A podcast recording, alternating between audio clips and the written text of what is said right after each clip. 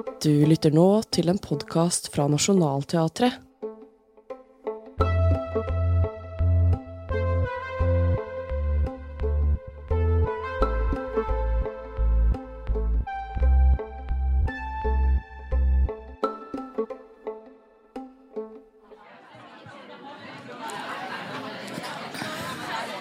Hei, god kveld, og velkommen til Torshov-teatret. Vi skal snakke om eh, stykket 'Samtaler med bror' av Kamara Lundestad Joof, som sitter her. Igjen en applaus.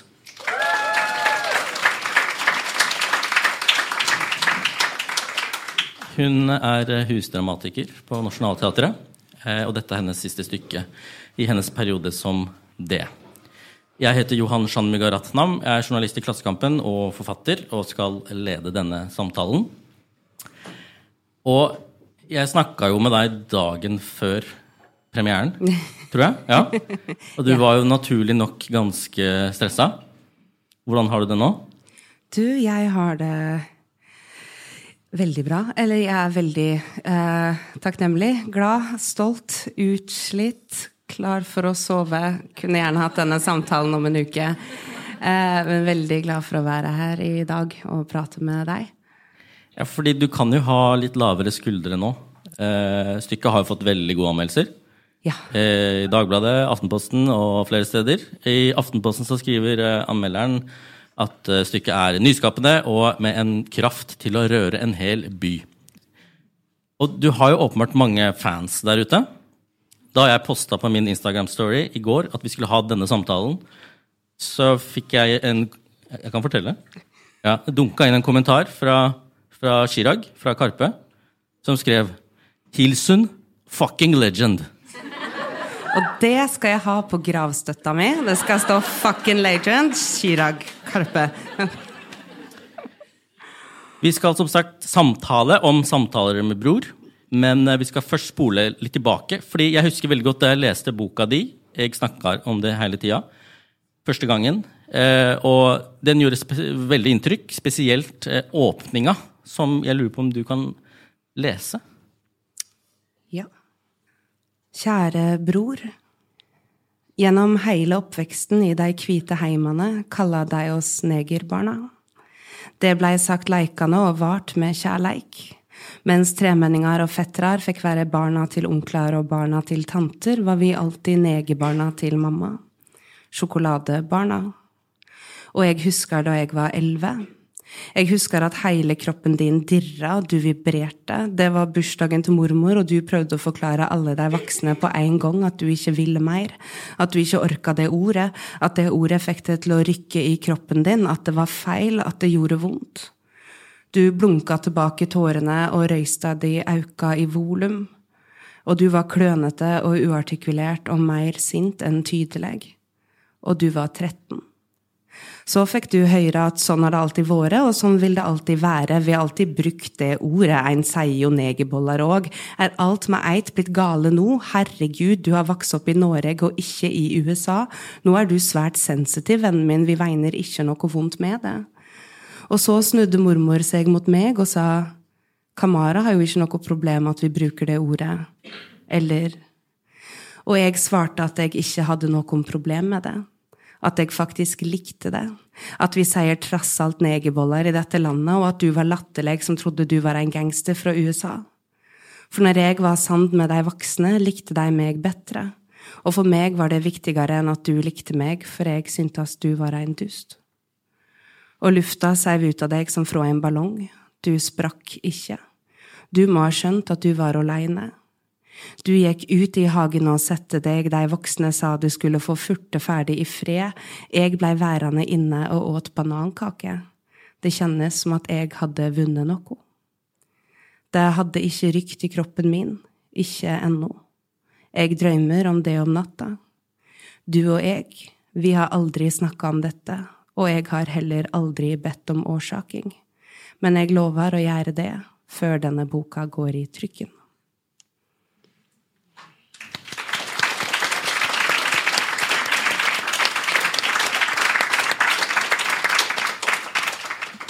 Ba du om unnskyldning? Ja, eh, før den boka gikk i trykken eh, Men når jeg hadde landa si, på formatet og hvor den var, så kontaktet jeg min bror, som bodde i London på det tidspunktet, men som var hjemme på besøk hos eh, foreldrene våre, eh, hos vår mor. Og så tok jeg toget til Sandefjord, og så satte vi oss i stua, og så leste jeg hele boka fra start til slutt for han. Eh, og så eh, Så det eneste som ikke var skrevet i boka, var da den siste siden, som egentlig er epilog. Jeg ringer til bror min. Eh, Eh, og så hadde vi ja, en av våre første samtaler på syv år cirka. Eh, om da rasisme og hukommelse og oppvekst og eh, søskenforhold. Ja. Var det da samtalene begynte på ordentlig? Ja. Det var det som ble utgangspunktet for at vi eh, satt i gang med dette prosjektet. At eh, vi snakket mye frem og tilbake, og vi diskuterte, og vi, som vi vanligvis gjør hvis vi er i et rom eh, mer enn ti minutter, begynte å krangle. Mm. Eh, krangle om ulike perspektiver, krangle om hva som var viktig, hva som ikke var viktig. at vi var så utrolig uenige om hvordan liksom, verden hang sammen. og så sa jeg, men dette er jo så sa han disse perspektivene, du skjønner jo ikke noen av mine perspektiver. Mm. Og så sa jeg jeg gjør kanskje ikke det, men hvis jeg setter på en båndopptaker, så kanskje jeg kan lytte igjennom, og så kan jeg prøve å forstå. For akkurat nå roper du så fælt at jeg får det ikke med meg. Og så roet vi oss, og så satte vi oss ned, og så begynte vi å prate. Og så prata vi i fem år. Eh, jevnlig. Eh, som da ble grunnlaget, materialet, for dette prosjektet. Eller når vi, vi hadde prata to ganger, så sendte jeg inn en søknad til Dramatikkens hus. Eh, og spurte om det kunne ligge noe i dette. Eh, og ble eh, husdramatiker der. Og brukte dette da som mitt hovedprosjekt i de årene jeg var der, med å snakke med min bror og ha han med i noen verksteder og se på hva er fiksjon, hva er teater, hva er hukommelse, hva er dokumentarisk. Og så har vi trasha det og lagd den forestillingen her. Ja, og la oss snakke om forestillingen. Og det er sikkert noen her som har sett stykket, og noen, de fleste har kanskje ikke det og skal det i kveld. Så vi skal prøve å balansere mellom å snakke om stykket uten å røpe for mye, og uten å prøve å analysere ting i hjel. Men, eh, men, eh, det vi skal snakke om, eller det dere kommer til å se, er jo en fortelling hvor hovedaksen går mellom da eh, bror og søster, eller brødre og søstre. Eh, og kan du si litt først om de karakterene? Fordi søstrene i flertall, fordi det er flere skuespillere, havner jo på et helt annet sted enn brødrene. Mm. Selv om de kommer fra samme familie. Ja. Eh, ja. Det gjør de. Eh, søstrene og brødrene altså Det er jo tre søstre og tre brødre, som kanskje er én søster og én bror, og noen ganger ikke er det. Eh, som prøver å nøste opp i hvorfor og hvordan det gikk så utrolig forskjellig med dem.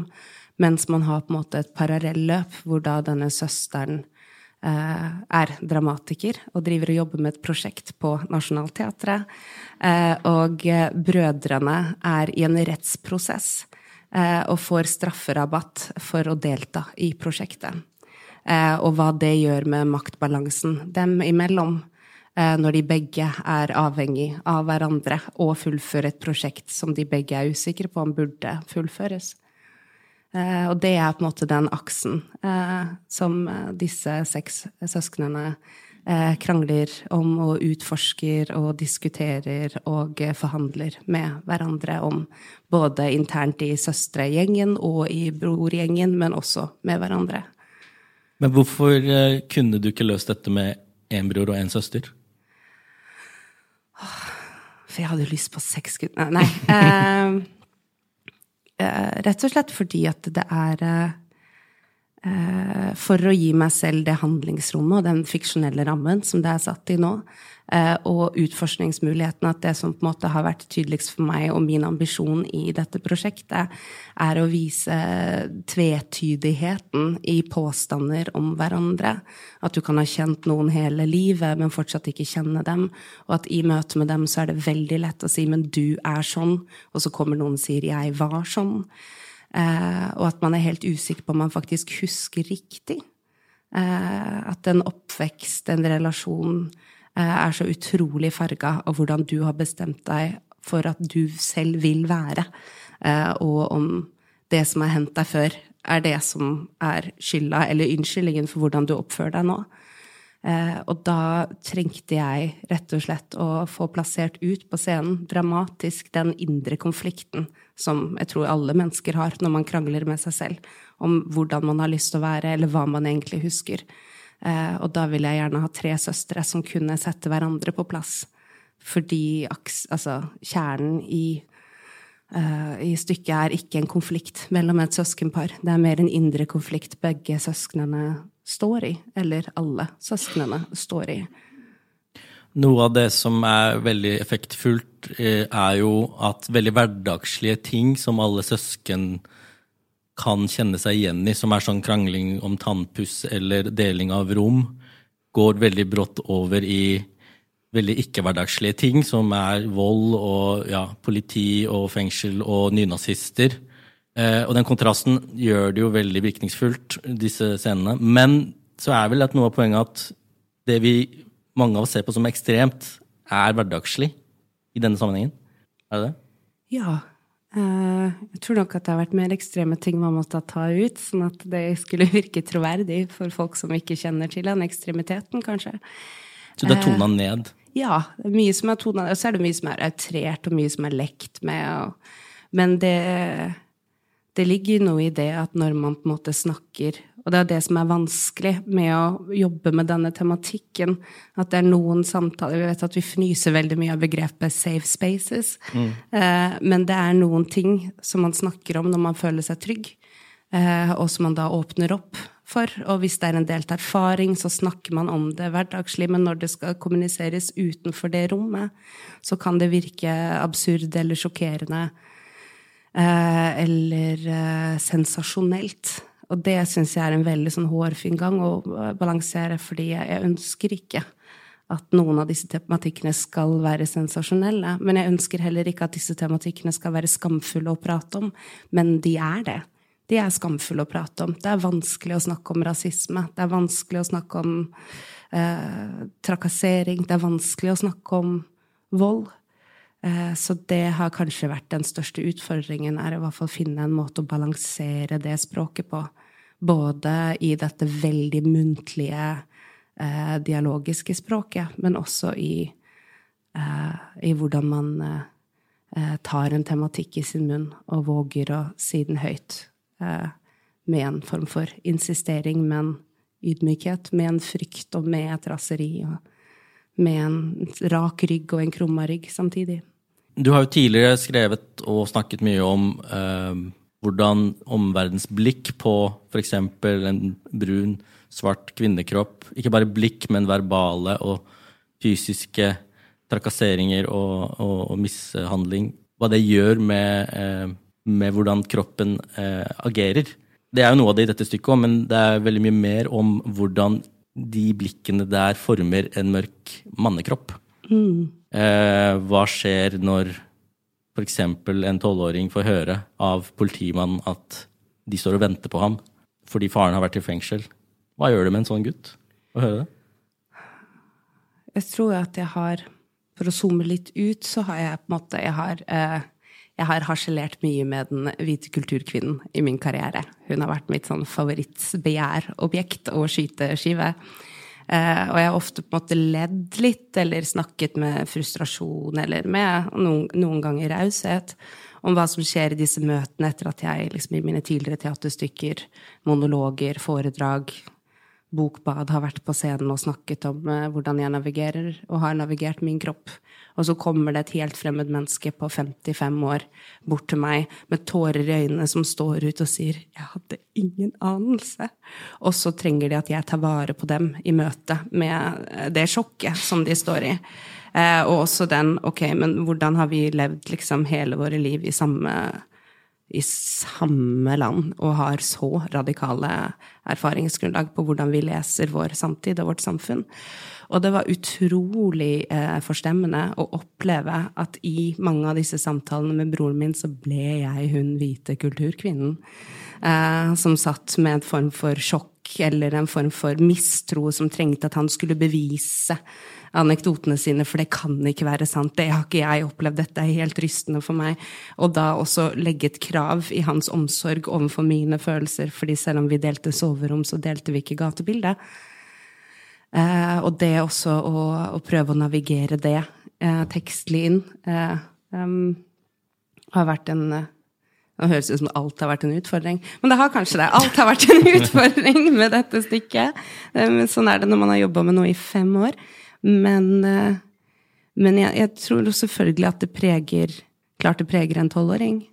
Klart det preger uh, gutter uh, å bli lest som farlige. Som blir lest som truende. klart det preger deg at folk er redde for deg. Brødrene, den ene broren i stykket, er helt besatt av at, at, da var han uskyldig. Da. Han vet at han ikke er uskyldig nå. Han mm. vet hva slags menneske han har blitt. Han vet hvor han har endt opp. Men han er veldig opptatt av dette øyeblikket at da var det faktisk ikke ok.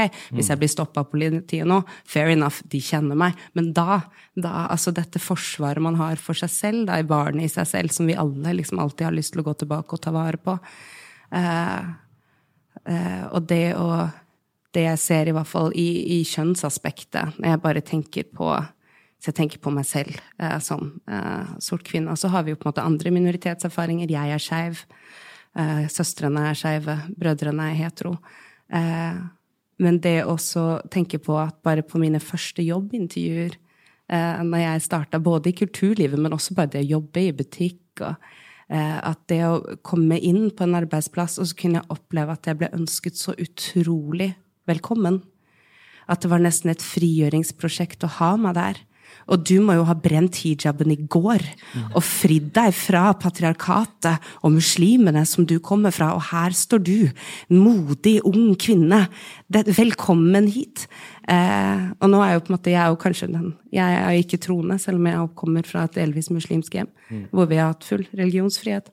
Men eh, men det er jo noe som har på en måte gjort noe med mitt blikk på meg selv, det å bli ønsket så inderlig velkommen. Men det må også gjøre noe med følelsen av å føle at du er den som noen automatisk skal reddes fra.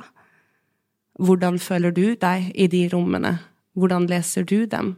Eh, og jeg tror ikke vi har fått samme eh, tillit eh, til systemet, rett og slett. Hvor min, min, tillit til systemet noen ganger kan gå litt blindt så, så, merker man på en måte et, et annet utenforskap da, som er preget av et institusjonelt møte med mm. et skolevesen eller politibetjenter eller folk som har autoritet over kroppen din og mistenkeliggjør den, mm. som jeg ikke har vært borti på samme måte.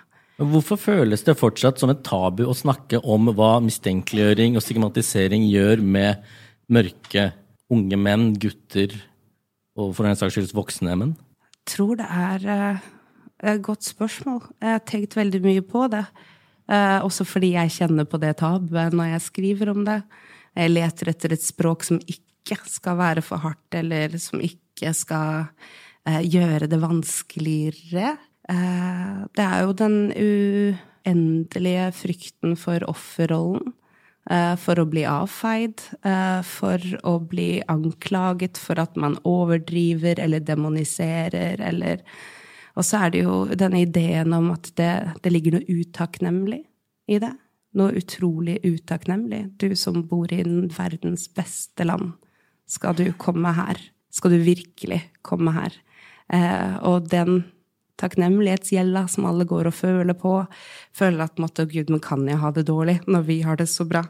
Eh, at den, spesielt i, i ulike minoritetserfaringer, er veldig tett knytta til reist tilbake dit du Hvis du var så ille her, kunne du ikke bare vært et annet sted?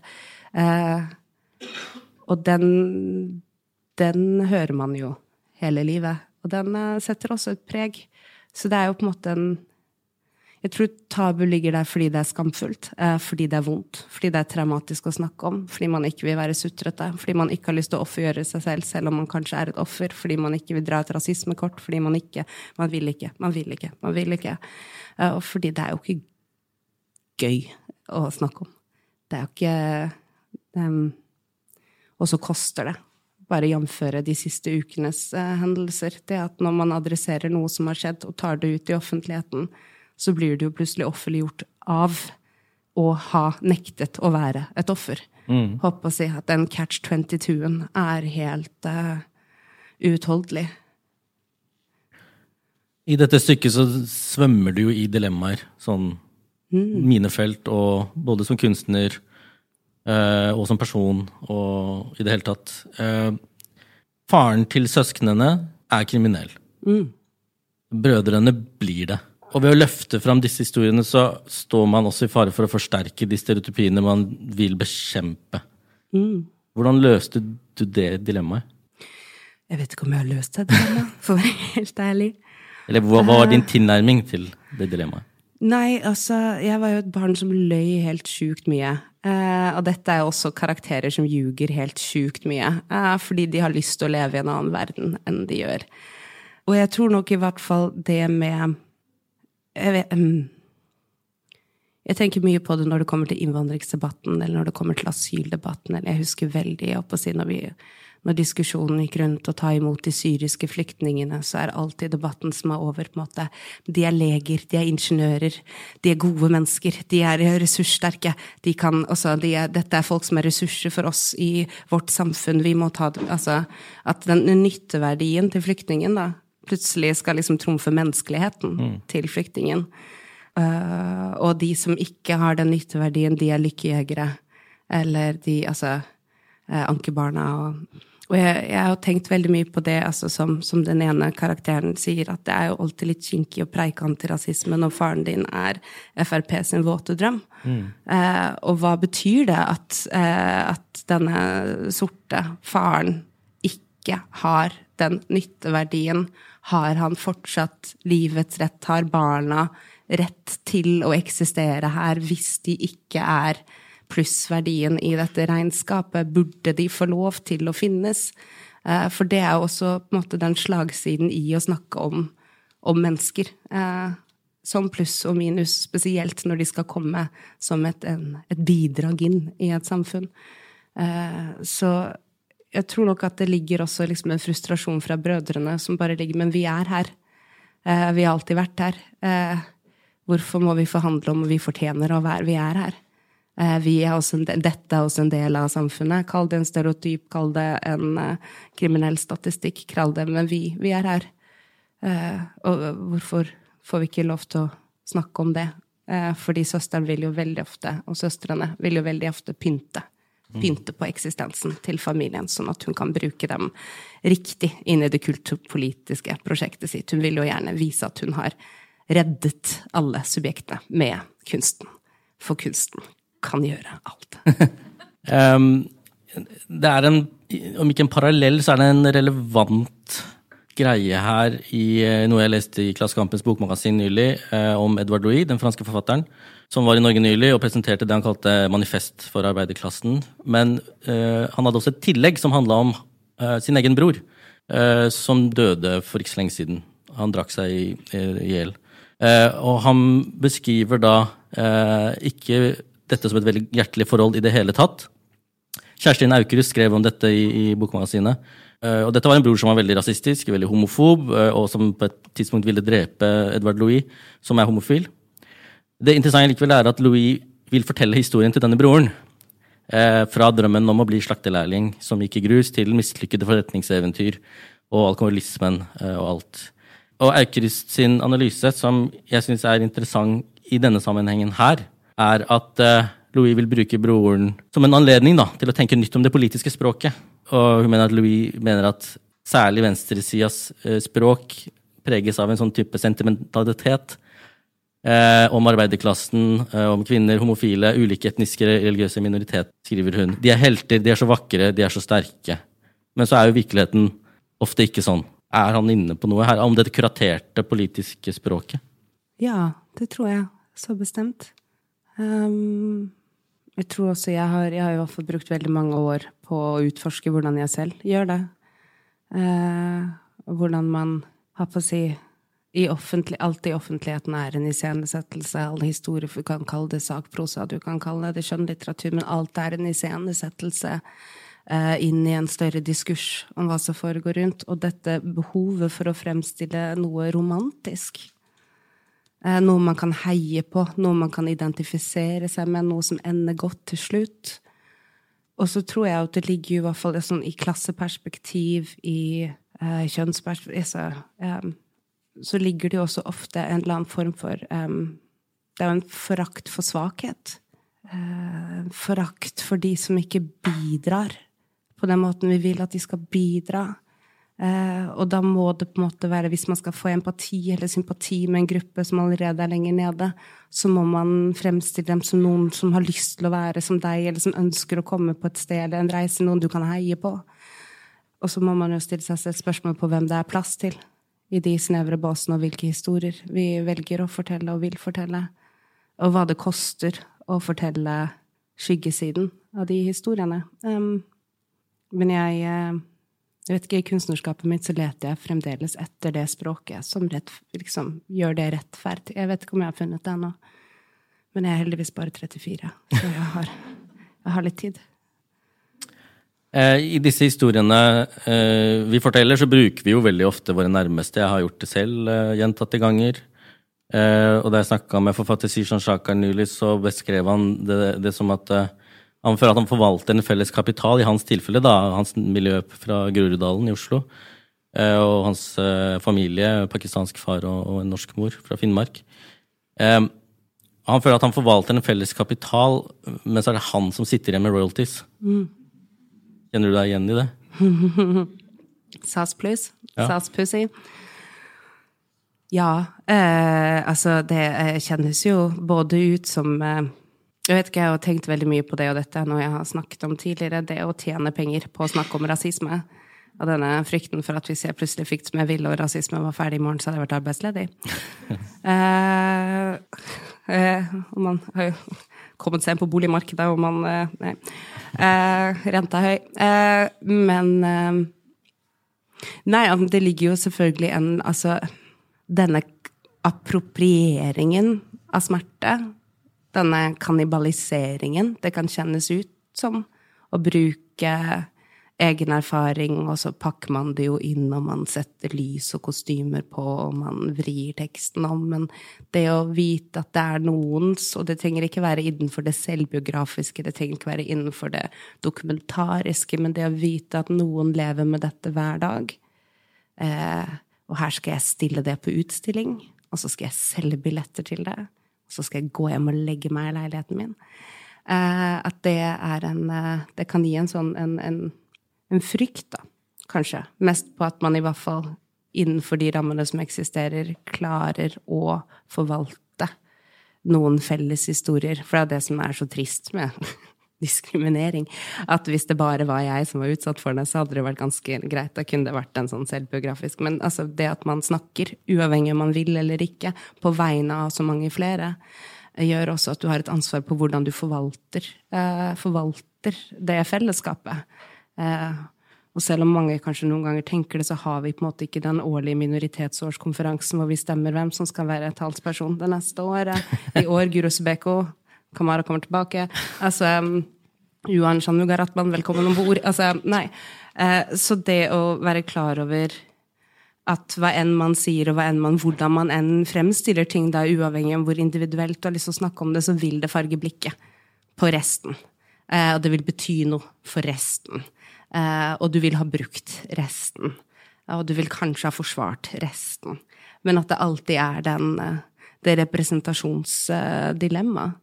Jeg husker i når jeg gjorde min debut, da, for dette er jo på en måte slutten i en trilogi, og min første var, uh, debut var Pavlos tispe. Det var en monolog, så da sto jeg på scenen selv og snakket om på en måte mine Det var en selvbiografisk monolog eh, som forsket på humor, hvem for jeg var.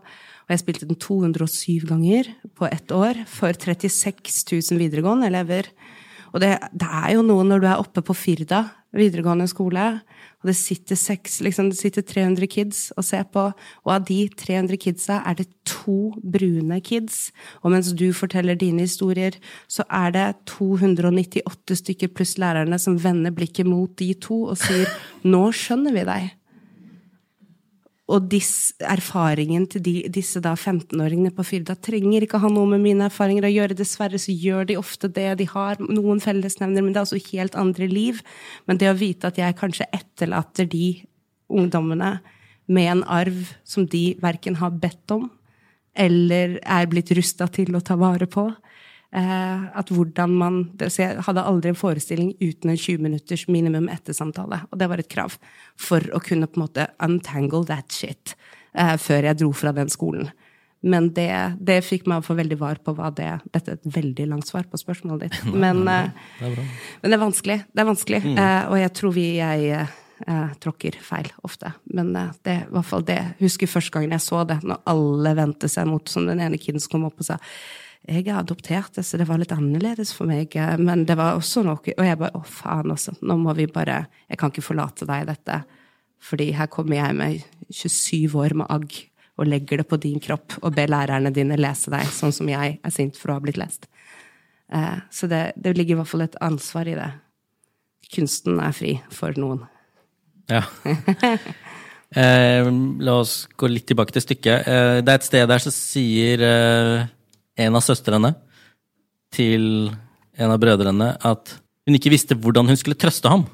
Eh, hun sier kanskje fordi vi enda ikke har noen tradisjon for det, vi vet bare hvordan vi roer hverandre ned når vi er sinte, men det er jo noe vakkert i det også.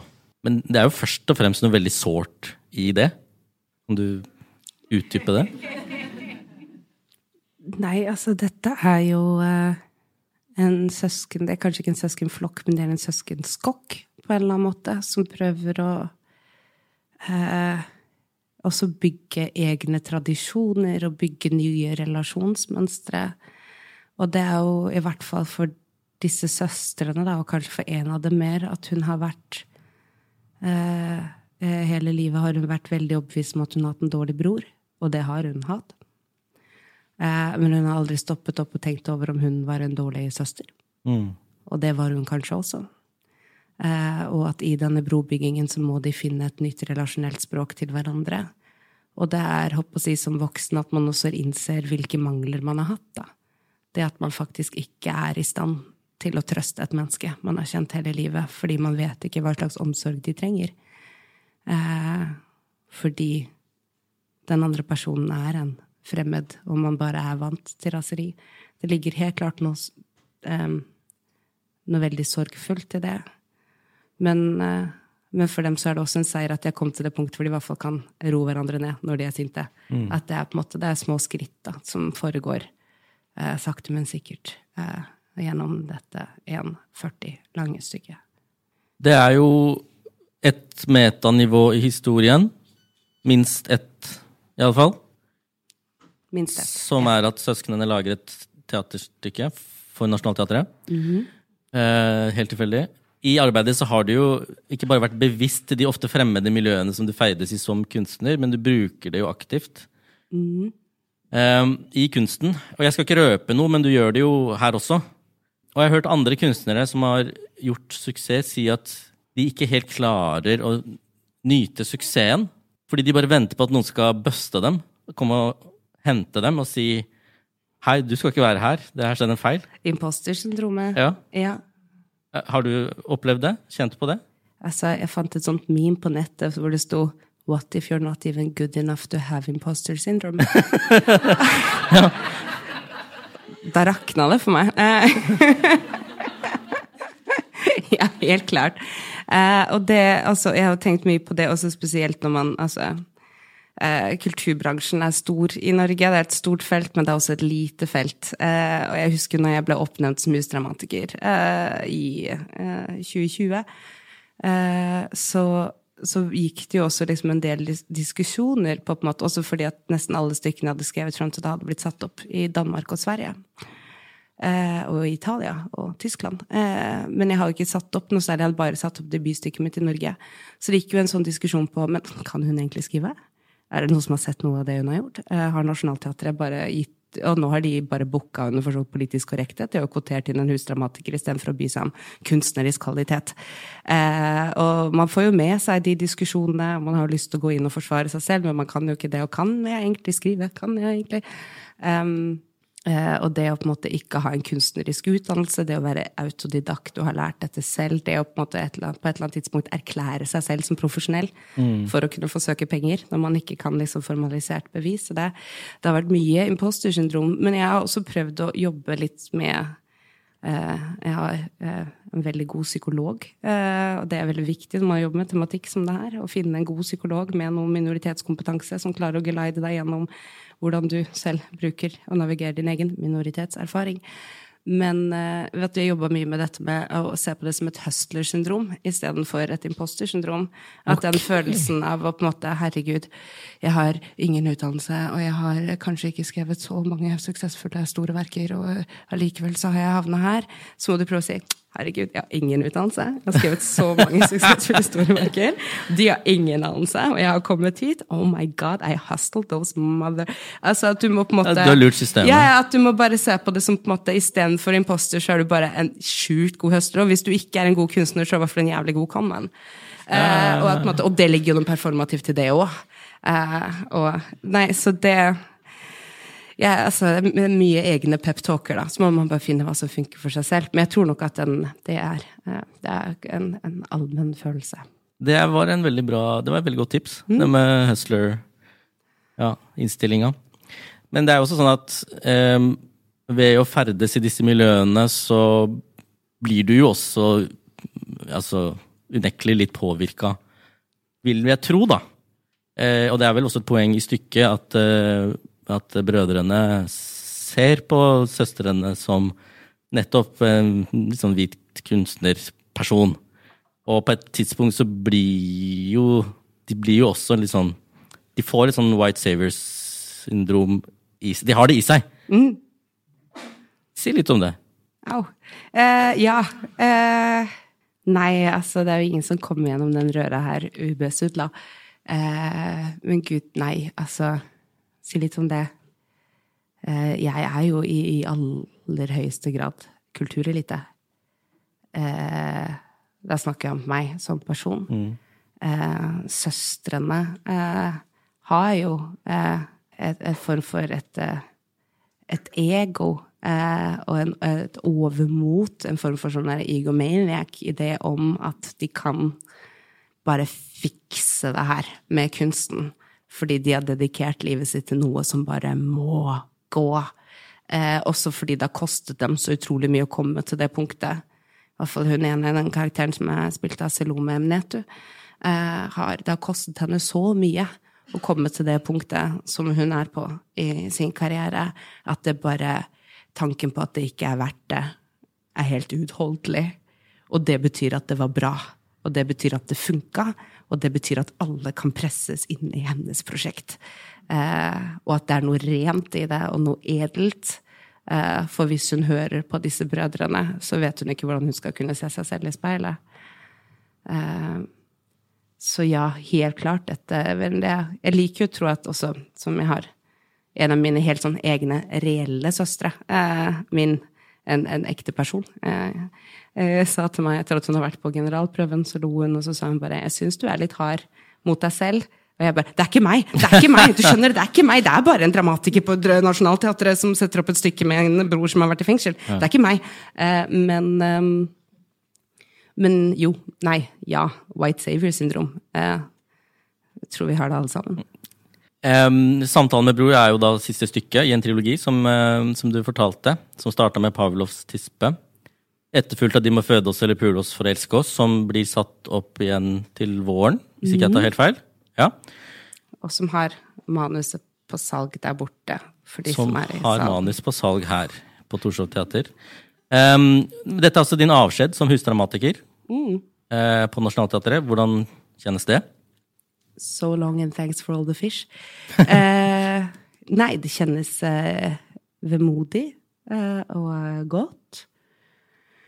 Eh, veldig takknemlig for å gå ut med dette ensemblet, med dette kunstneriske teamet. Hvis man får på en måte lov til å skryte av sine egne verker, så vil jeg bare si at jeg har fått jobbe med kremen av kremen av norske skuespillere. Eh, og jeg har fått jobbe her på Torshov-teatret med begge produksjonene mine, hvor det her bare er eh, så stor kompetanse og raushet i alle ledd på, liksom, på dette hus, da dette som pleide å være dette politiske motstandsteatret. Så jeg føler meg bare, vet ikke, jeg er veldig privilegert. Eh, jeg er veldig takknemlig. Jeg har fått eh, pensjonspoeng for første gang siden jeg jobba på Kid Interiør da jeg var 21.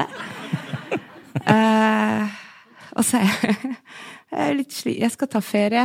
Ja, jeg, nå skal jeg ta Jeg har ikke, jeg har ikke tatt ferie mens jeg har vært her. Eh, for det har vært mye jobb, så det eh, Og det betyr også at jeg har fått feriepenger for mm. første gang siden jeg jobba på Kid Interiør. Mm. Eh, så det, det, skal jeg bare prøve å, å nyte. Første gang jeg møtte deg for noen år siden, så sa du at du var så lei av å snakke om rasisme. Det er noen år siden nå, og her sitter vi. Mm. Eh, etter den ferien, er det nå du skal begynne på det du egentlig skulle?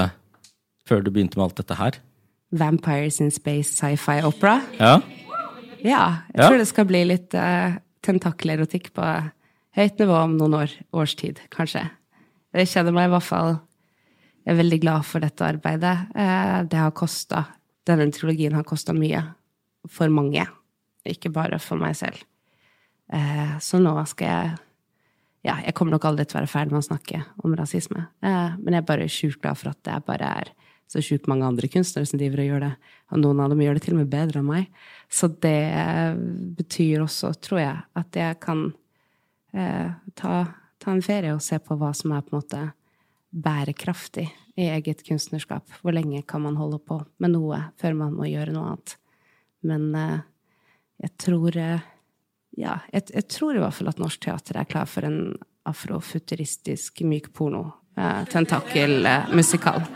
Ja. Kamara Lundestadjof, tusen takk for praten, og tusen takk til alle dere som har vært her og hørt på.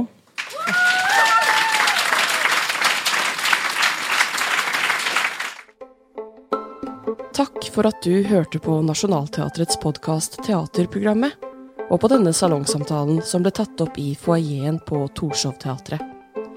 Ideen til samtalen var ved Gunhild Aarebrot Kilde. Lydtekniker var Bendik Toming, og produsent det var meg, Oda Tømte. Mer informasjon om forestillinger og arrangementer finner du på nasjonalteatret.no. Følg oss også gjerne i sosiale medier for mer innhold produsert på, bak og rundt scenen.